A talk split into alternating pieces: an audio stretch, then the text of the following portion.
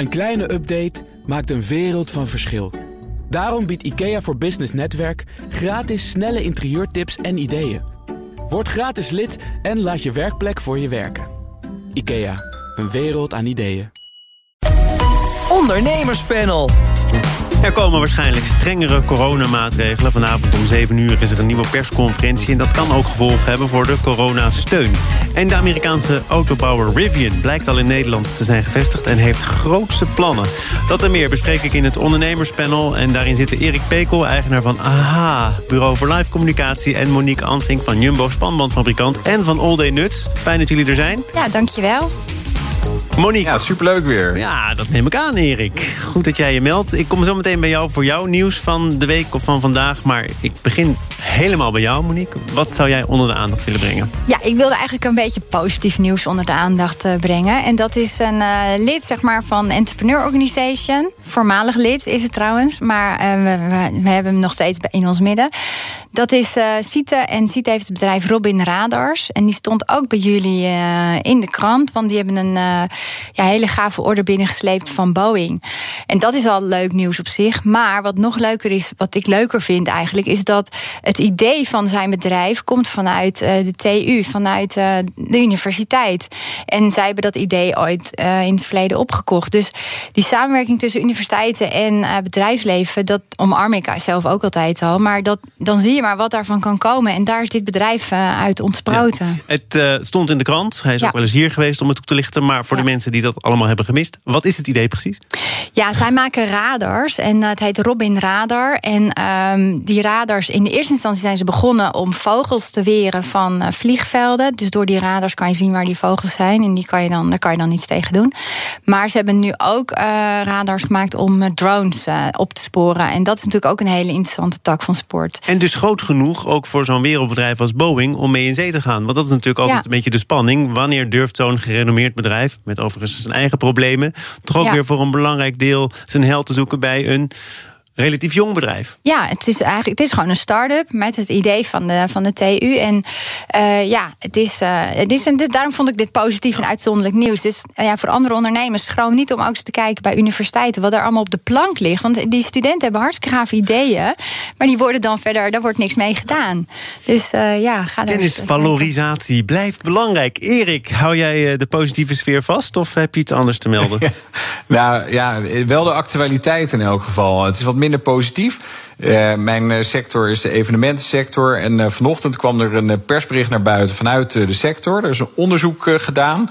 ondernemers zijn natuurlijk zwaar getroffen. En die zijn gevraagd naar hun vooruitzichten voor het komend jaar. Waar ik vooral van schrok is dat meer dan de helft, en zelfs meer dan 60 procent, verwacht dat in het vierde kwartaal van volgend jaar opnieuw ingrijpende uh, maatregelen nodig uh, zullen zijn. Die dus enorme impact gaan hebben. En ja, om dan toch positief te eindigen. Zelf hoor ik niet bij die, die grote meerderheid. Want ja, ik hoop echt dat dit nu snel achter de rug is. En ik hoop dan heel erg. Het ging net over innovatie met die radar. Ik hoop heel erg dat de cure, die pilletjes die er nu ook zijn, in combinatie met het vaccin, dat die dan eindelijk toch echt het uh, verschil gaan maken. Ja, Erik, maar ik hoor wel heel vaak het woord hoop in één zin. En uh, ik heb inmiddels wel begrepen dat tussen hoop en realiteit ook nog een hele wereld schuil gaat. Wat verwacht jij nou precies? Nou ja, net als iedereen, je weet niet meer echt waar je aan toe bent natuurlijk. Dat is wat er nu speelt. Dus iedere keer denk je van nou, dit gaat nu echt de laatste keer zijn. En ja, dat denk ik nu weer. En ik durf het niet meer echt te verwachten. Nee. Dan even naar de korte termijn van vanavond, 7 uur, persconferentie. Iedereen consumeert dat tegenwoordig op zijn eigen manier. Wat er nu uitgelekt is, is toch dat uh, waarschijnlijk voorkomen moet gaan worden dat de scholen dichtgaan. Maar dat uh, de niet-essentiële winkels en de horeca om vijf uur zal moeten sluiten. Geldt ook voor de doorstroomlocaties.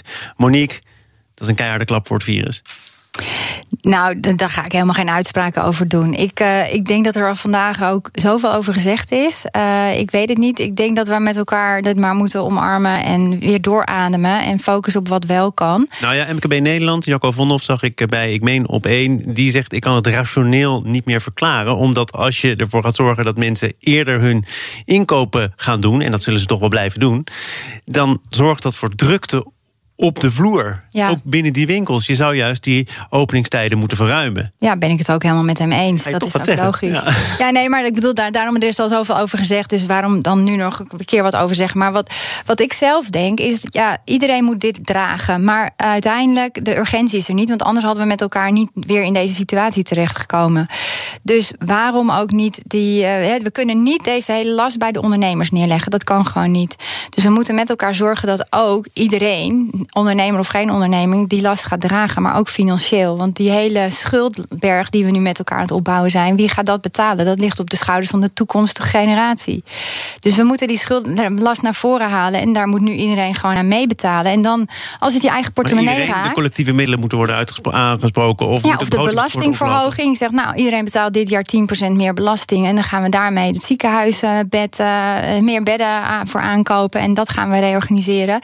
En dan voelt iedereen in zijn portemonnee. En dan denk je wel na of je dicht bij elkaar gaat staan. Want dan denk je, ja, dit, als het langer duurt, kan ik dit allemaal zelf niet meer hebben. En dat kost ons ook geld in de portemonnee. Dus ja, die last moet over iedereen uitgesmeerd worden. En niet alleen over die ondernemers. Dat Voor iemand die van plan was om hier niks meer over te zeggen, toch nog een vrij uitgesproken standpunt. Ja, jij vraagt ernaar. Wat wil jij erover zeggen? ja, ik vind het wel een interessant uh, idee wat Monique uh, aankaart. Uh, ja, de, de, vraag is natuurlijk steeds van wil je nou die uh, coronasteun aan ondernemers wil je die uh, toch weer uh, oppakken, wil je die doorzetten. En er is natuurlijk wel steeds gezegd: finish in zicht, laten we geen bedrijven kapot gaan. En ja, we zitten nu weer met de finish in zicht. Het lijkt me echt wel heel slim om heel consistent aan zo'n beleid dan vast te houden. Um, want ja, als je het hebt over die NOW, waar nu veel over te doen is, moet die dan weer uh, terugkomen. En dan uh, Stef Blok heeft gezegd van ja, die was bedoeld natuurlijk om banen te behouden. En nu is er gewoon enorm aanbod aan banen. Maar er is heel groot verschil. Sommige branches, sommige sectoren, die worden echt heel zwaar getroffen. En als daar dus noodgedwongen mensen uh, die organisaties verlaten, ja, dan kan je die, die, die kan niet meer zomaar opstarten dan die organisaties daarna. En uh, als je gelooft dus dat de finish in zicht is, hè, dus als je enigszins positief bent, ja, dan denk ik echt dat je moet zorgen dat je alles wat levensvatbaar is en wat goed is en wat je, waar je straks mee door wil. En dan denk ik dus aan uh, theaters en horeca, congreslocaties, aan cateraars. En dan wil je dat allemaal wel in stand laten. Want anders kun je straks ja, gewoon helemaal opnieuw beginnen. Dat uh, debat dat woedt voortdurend. Er is deze week over gesproken in de Tweede Kamer. Een ruime meerderheid van de parlementariërs vindt dat de steun flink moet worden verruimd als er nieuwe maatregelen komen. Maar hoe flink, dat laten ze dus afhangen van de persconferentie van vanavond, zegt ook D66-Kamerlid Romke de Jong. We hadden gisteren een bijzonder moment. Aan de ene kant de Kamer die verder wil in, steun dan het kabinet wilde. En aan de andere kant zien we toch een persconferentie die ingepland werd tijdens het debat over steunpakketten. En daar heeft de Kamer gezegd: we wachten, we gaan heel even pas het plaats maken. Want het kan zijn dat met de informatie die op ons afkomt komend weekend, dat we nieuwe week meer beslissingen moeten nemen om ondernemers te helpen. En dan gaat het onder andere over de terugkeer van die NOW-regeling, een subsidie op lonen. Want tot nu toe beperkt het steunpakket zich uh, tot de TVL, de tegemoetkoming vaste lasten. Er zijn partijen die zeggen: oké, haal die NOW maar weer van stal. Maar dan wel onder de voorwaarde dat personeel op een andere plek, waar dat dringend gewenst is, want er is nu helemaal sprake van arbeidskrapte, kan worden ondergebracht. CDA-plan. Monique, is dat een goed idee? Nou, dus natuurlijk op zich het idee is goed, maar de uitvoering is natuurlijk dan weer lastig. Want dan leg je nog weer meer werk bij de ondernemers die het dus al zwaar hebben. Want die moeten dat dan ook nog gaan organiseren. Dus ik blijf erbij dat, oké, NOW moet van stal. Ja, want die ondernemers die getroffen worden, die moeten gewoon uh, geholpen worden. En die moeten die kosten niet op hun eigen Kun je er een voorwaarde aan stellen? Want Erik zei al dat uh, Stef Blok op het standpunt staat dat er sprake is van arbeidskrapte, grote tekorten. En dat het dan toch eigenlijk ook een beetje merkwaardig te verdedigen is om te zeggen dat we dan subsidie op loon weer op grote schaal gaan toepassen. Ja, maar ik zeg die subsidie op loon die moet betaald worden door de medewerkers op dit moment. En we gaan niet die berekening naar de toekomst schuiven. Dus iedereen moet daar nu aan meebetalen. Dus de belasting eh, moet omhoog. En daarmee gaan we die ondernemers die nu last hebben compenseren. Hoe kijk je naar het eh, steunpakket dat er nu is? 1,3 miljard. De polderorganisaties zeggen, daar zijn wij eigenlijk helemaal niet in gekend. En het gaat dan over die tegemoetkoming vaste lasten. Kom je voor in aanmerking als er sprake is van 30% omzetverlies, terwijl het kwartaal al flink onderweg was. Dus heel veel bedrijven zullen daar niet voor in aanmerking komen. Is dit dan toch uh, royaal gezien de situatie waar we in waren? Of heeft het eigenlijk nooit voldaan aan wat er nodig is. Nou, kijk, 30% betekent toch nog dat de ondernemer die 30% uit zijn eigen zak moet betalen. Hè? Dus je bent dan omzet, 30% minder omzet. Dat is echt heel erg veel. En uh, dat, we kunnen gewoon met elkaar niet die aantal, dat aantal ondernemers deze schuld op hun schouders. Uh, dus die moet gewoon. Kun je wel zeggen van oké, die steunpakketten hebben goed gewerkt. Blijkt, ook, wel, blijkt ook wel uit de, de faillissementcijfers. Hè. Dat is niet het hele verhaal, want er zijn nog heel veel ondernemers met schulden. De Belastingdienst zal ongetwijfeld nog wel langskomen. Maar mensen die zeggen de economie is eigenlijk bevroren geraakt. Er is een bepaalde dynamiek verdwenen. Uh, moet die niet ook weer voor een deel terugkomen? Ja, maar daar is het dan, dat moet je niet tijdens de, tijdens de regen doen. Dat gaan we dan straks weer uh, oplossen. Maar wat we nu wel moeten doen is voorkomen dat de schuldberg te groot wordt. En dat moeten we nu oplossen. Er is genoeg geld. En dan maar wat minder boodschappen doen de komende tijd is ook beter uh, voor, voor het milieu. En dan dragen we met z'n allen die lasten. Niet alleen die ondernemers. BNR Nieuwsradio. Zaken doen. Thomas van Zeil. De gast is het ondernemerspanel met vandaag Erik Pekel, eigenaar van AHA, Bureau voor Live Communicatie en een optimist. En Monique Ansink van Jumbo Spanbandfabrikant en All Day Nuts. We gaan het hebben over Rivian, de Amerikaanse producent van elektrische SUV's en pick-ups. Lijkt Nederland te willen gebruiken voor de Europese expansie. Uit onderzoek van het FD blijkt dat het bedrijf al een jaar in Nederland zit en hier ook al mensen in dienst heeft. Volgens Jasper Been van het Financiële Dagblad zegt het bedrijf daar zelf niets over. Rivian zegt uh, na de beursgang een verplichte stille periode te hebben. Dus wij hebben uh, uh, ons oor te luisteren gelegd bij een aantal analisten, mhm. een aantal marktanalisten, die zeggen ja. Um, aan de ene kant is het heel logisch dat op het moment dat je vanaf 2022 ook auto's in uh, Europa wil gaan verkopen, dat je ook auto's wil gaan produceren in Europa. Want de importtarieven die zijn 10%. en in de huidige markt kun je met die 10%, nou, dan kun je geen winst meer maken. Dus het is logisch dat ze op zoek zijn naar een productielocatie in Europa. Daarnaast zoeken ze misschien ook naar een, een Europees hoofdkantoor. En daar zou Amsterdam een goede locatie voor zijn vanwege uh, tax, belastingredenen, maar ook vanwege de taal. we beheersen het Engels goed, dus dan is het logisch om voor Amsterdam te kiezen. Erik, om toch nog even Rivian kort te schetsen. Heeft 11,9 miljard dollar opgehaald. Een beurswaardering van dik 140 miljard. Aanzienlijk groter dan de meeste andere autofabrikanten. En het zette tot nu toe 156 auto's in elkaar. Ongelooflijk, is, is dit nou een vette vis of niet?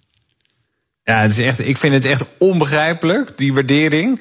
Uh, bij Tesla wordt altijd gezegd, uh, zij zijn zo toonaangevend, ze hebben echt een voorsprong. En straks zijn zij degene die het besturingssysteem gaat leveren voor alle elektronische auto's, waarin ze dan al hun ervaring kwijt kunnen. En dat verklaart dan die enorme marktwaarde.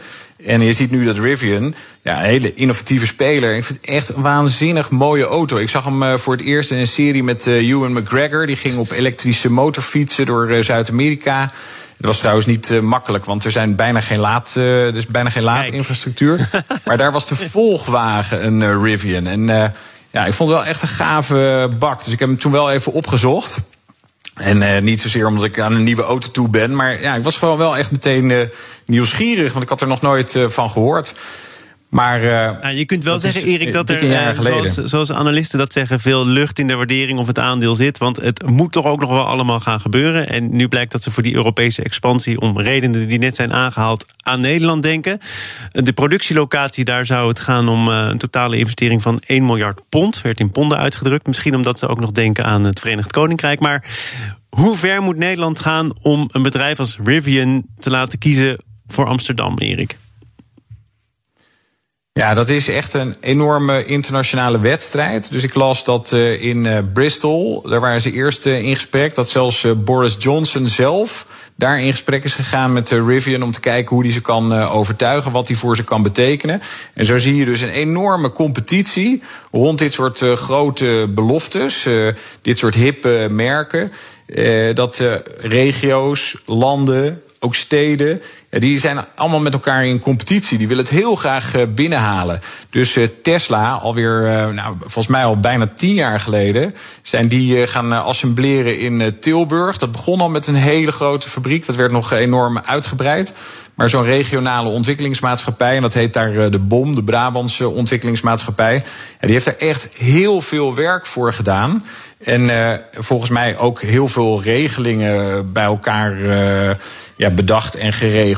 Om dus Tesla te overtuigen om niet voor Duitsland uh, te kiezen, maar ook niet ja, voor een andere stad of een andere regio in Nederland. Maar om dat naar Tilburg uh, te brengen. En dat zie je dus dat het echt gewoon een soort wedstrijd is. Waar gewoon mensen, uh, ja, gewoon hun werk is gewoon om die grote beloftes binnen te halen. Ja, maar dat, volgens mij is dat ooit Erik, begonnen. Maar de, finish van deze wedstrijd eh, ligt toch ook in Berlijn. Want uh, als je kijkt naar waar nu met name wordt geproduceerd door Tesla, is dat toch Berlijn. En dan is er kennelijk ook onvoldoende reden geweest voor Tesla om in Nederland te blijven. In Tilburg gebeurt dan nog wel het een en ander. Maar de hoofdmoot is nu toch echt wel in Duitsland. Het ministerie van Economische Zaken zegt over Rivian dat het kabinet zich inzet voor de fabriek. Uh, net als voor andere buitenlandse investeringen. Ja, dat klinkt toch wat zuiniger dan Boris Johnson, die in gesprek gaat met Amazon, groot aandeelhouder van Rivian, die al heeft gezegd: wij gaan daar eh, als kabinet, als overheid ook flink in investeren. Zeg het maar, zou Nederland daar een tandje bij moeten doen of houdt het ook ergens op? Ja, ik denk dat het wel ergens ophoudt. Kijk, wat, ik, wat natuurlijk belangrijk is, dat je moet kijken naar de lessen die je hebt geleerd. Dus als je ziet dat toch dan zo'n bedrijf korte termijn hier zit en daarna wegtrekt, dan moet je dus die uh, regelingen die getroffen worden, want dat is vaak subsidies of belasting, uh, goed, een lagere belasting, dat je die op langere termijn uit uitspreidt. Dus dan zeg je, oh, als je over twintig jaar nog bent, dan krijg je, uh, krijg je die, die voordelen verder uitbetaald. Ja, is dat, weten we nu. Is dat denk je dan voldoende om een bedrijf wel over de streep te trekken? Dus een bedrijf heeft meerdere opties en dan zeg je over twintig jaar volgt de beloning. Nou ja, nee, maar anders moet je het gewoon niet doen. Want dan weet je dat je dus nu geld aan het weggeven bent aan zo'n bedrijf. Die help je in het zadel en die vertrekken uiteindelijk naar het buitenland. Dus dat schiet niet op, had je het net zo goed niet kunnen doen. Dus uh, ja, uiteindelijk gaat het om, uh, we geven daar geld aan uit, blijkbaar om ze binnen te halen. En dat is wel belastinggeld, ons geld. Nou, maar het, en dan het moet je wel werkgelegenheid, het staat goed, het is prestige. Ja, het leidt tot werkgelegenheid, maar als we na, na, anderhalf, twee jaar weer naar het buitenland vertrekken, is dat een korte, heel korte termijn. En je moet langer termijn denken met dat soort partijen. Dus uh, Erik, dan maar niet. Ergens houdt het op. Ja. Misschien wel sneller dan jij dacht. Ja, en in die onderhandeling is het natuurlijk heel moeilijk om voet bij stuk te houden. Dus dat hele idee erachter, wat eh, Monique schetst, ik denk dat het echt heel slim is om zo inderdaad eh, die onderhandeling in te gaan. Maar in de praktijk is het natuurlijk lastig als je te maken hebt met andere partijen die minstens net zo snel, die, die minstens net zo graag uh, willen. En. Uh, ja, ja, ik denk dat dat, uh, dat dat het is. Ik denk ook dat de economische zaken wel een beetje gelijk heeft als ze zeggen dat dat wel klopt. Dat ze voor iedereen de rode loper uh, uitrollen. Uh, Want nou, ik woon in Rotterdam en ieder jaar hebben we hier red carpet dinner. En dan worden alle bedrijven die zich in de, in de stad hebben gevestigd, die uit het buitenland afkomstig zijn, met al hun medewerkers, door de burgemeester persoonlijk welkom geheten. En er, er, wordt dus echt heel veel energie, heel veel tijd ingestoken in het voortraject. Maar ook op het moment dat ze er zijn. Om ervoor te zorgen dat mensen zich echt heel welkom voelen. Dat bedrijven zich heel, uh, heel graag hier willen vestigen. We gaan van uh, verre buitenlanden naar iets wat uh, heel erg Nederlands is. Namelijk de HEMA verkoopt de bakkerijen aan Baku. Dat is de leverancier van het brood en pakket van supermarktketen Jumbo. En toch zullen de HEMA-taarten en de bekende tompoeses... door dezelfde medewerkers gemaakt blijven worden in dezelfde fabrieken. De bakkerijen, onder meer in Almere, Sneek en Dordrecht... blijven als leverancier verbonden aan de HEMA. Het is wel zo dat de HEMA al heel lang van die bakkerij af wil. Dat zegt ook Kitty Koelemeijer, hoogleraar marketing en retail... aan de Nijrode Business Universiteit. Al in 2019 en misschien zelfs nog eerder wilde, wilde HEMA van de bakkerijen af om de enorme schuldenlast van HEMA in die periode om die terug te brengen en daarmee ook de rentebetalingen. Ja, en dan zijn bakkerijen kun je dan bestempelen als een iets minder kernactiviteit. Uh, je kunt dat ook, ook goed uitbesteden. En uh, ja, dus wilden ze van de bakkerijen af. En dat die bakkerijen nu terechtkomen bij de leverancier die ook uh, levert aan de Jumbo is, denk ik, met Jumbo als nieuwe eigenaar van HEMA geen toeval. Monique, de enige vraag is dan: had het niet gewoon als onderdeel van de deal al geregeld kunnen worden? Ja, waarschijnlijk wel. Maar uh, ik denk dat ze dit hebben uitgesteld tot na de orde. Want ze hadden waarschijnlijk al heel veel te regelen. Ik weet het niet, want ik zit daar niet, uh, niet bovenop. Maar ik vind het een slimme, slimme keuze. En dat is best ook voor andere ondernemers wel een, een goed voorbeeld van... ja, wil je nou alles zelf gaan doen... of kan je sommige dingen beter gewoon uh, outsourcen? En zo'n bakkerij, Hema is een winkelketen en retailer. Dus hoezo zou je dan ook nog je eigen tompoezen willen bakken? Nou, noem eens een paar dingen waar jij de Hema van kent. Nou, van de rookworst. Precies, en ja, ik eet vegetarisch. Dus. Oké, okay, nou dan, dan kunnen we die skippen. en dan kom je toch al heel snel in het lijstje ook de tompoes tegen. Misschien wel de appelkruimeltaart of de slagroomtaart. Uh, Kitty Koelemeijer zegt hier: het is geen kernactiviteit nee. van de HEMA. Maar daar kun je ook al over twisten, of niet? Nee, want kijk, ik koop er ook misschien wel eens een pan en een pot. En dat bakken ze ook niet zelf, die potten. Dus uh, nee, dit, uh, dit, is gewoon een hele goede keuze. Ik, uh, ik vind het verstandig. Ja, schoenmaker blijft bij je lezen. Ze zijn een winkelketen, een retailer en zeker geen bakker. Erik, verkoopt Hema hier het tafelzilver om van die schulden af te komen? of is het volstrekt begrijpelijk? Nou, in uh, alle branches wordt altijd heel erg gekeken naar hoe andere bedrijven het uh, doen. En inderdaad, als je kijkt naar bedrijven die lijken op de HEMA, die hebben allemaal geen eigen bakkerijen. Dus dan is het best heel logisch om eens te kijken van willen we dat nou wel binnenhouden. Wat ik wel fijn vond om te lezen, is dat zodra ik dit bericht tegenkwam, is dat ze er heel erg op hameren dat dus dezelfde mensen, ja. dezelfde bakkerijen, dezelfde kwaliteit blijven leveren. Want wat jij zegt, weet je, die tompoezen, maar ook natuurlijk die slagroomtaarten, dat is echt een enorme hit. En dat is echt wel een reden waarom mensen naar de HEMA gaan. En het mooie natuurlijk van zo'n product is dat je er heel blij uh, van uh, wordt. En dat het vaak ook ik hoor het aan je. hoort bij een feestelijke gelegenheid. Ik, fan. ik hoor een fan. Ja, ja, ja zeker. Zeker. Maar wat, wat gaat dit... Ja, ik, mag het, ja? ik mag het haast niet hardop zeggen, want mijn uh, vrouw is een hele enthousiaste thuisbakker. Die bakt ook taarten voor, voor anderen. Ook nu wordt het voor pijnlijk, Erik. Voor een kinderfeesten. Je maar vrouw staat urenlang te bakken. Terug. Ja, oh, wat pijnlijk. Ja, dit. zeker. Ja. En dan gebruikt ze dus uh, van, die, van die mooie beslag, maakt ze dan een red velvet cake, zo dat soort dingen. Maar dan hoort ze wel eens terug dat, dat kinderen toch het allerliefste gewoon slagroomtaart van de HEMA willen. Dat is heel luchtig, heel zoet. Die vettigheid, heerlijk. Mm, ja, oké. Okay, dus je zegt kinderen, maar je bedoelt eigenlijk jezelf. ja. Goed zo, Erik.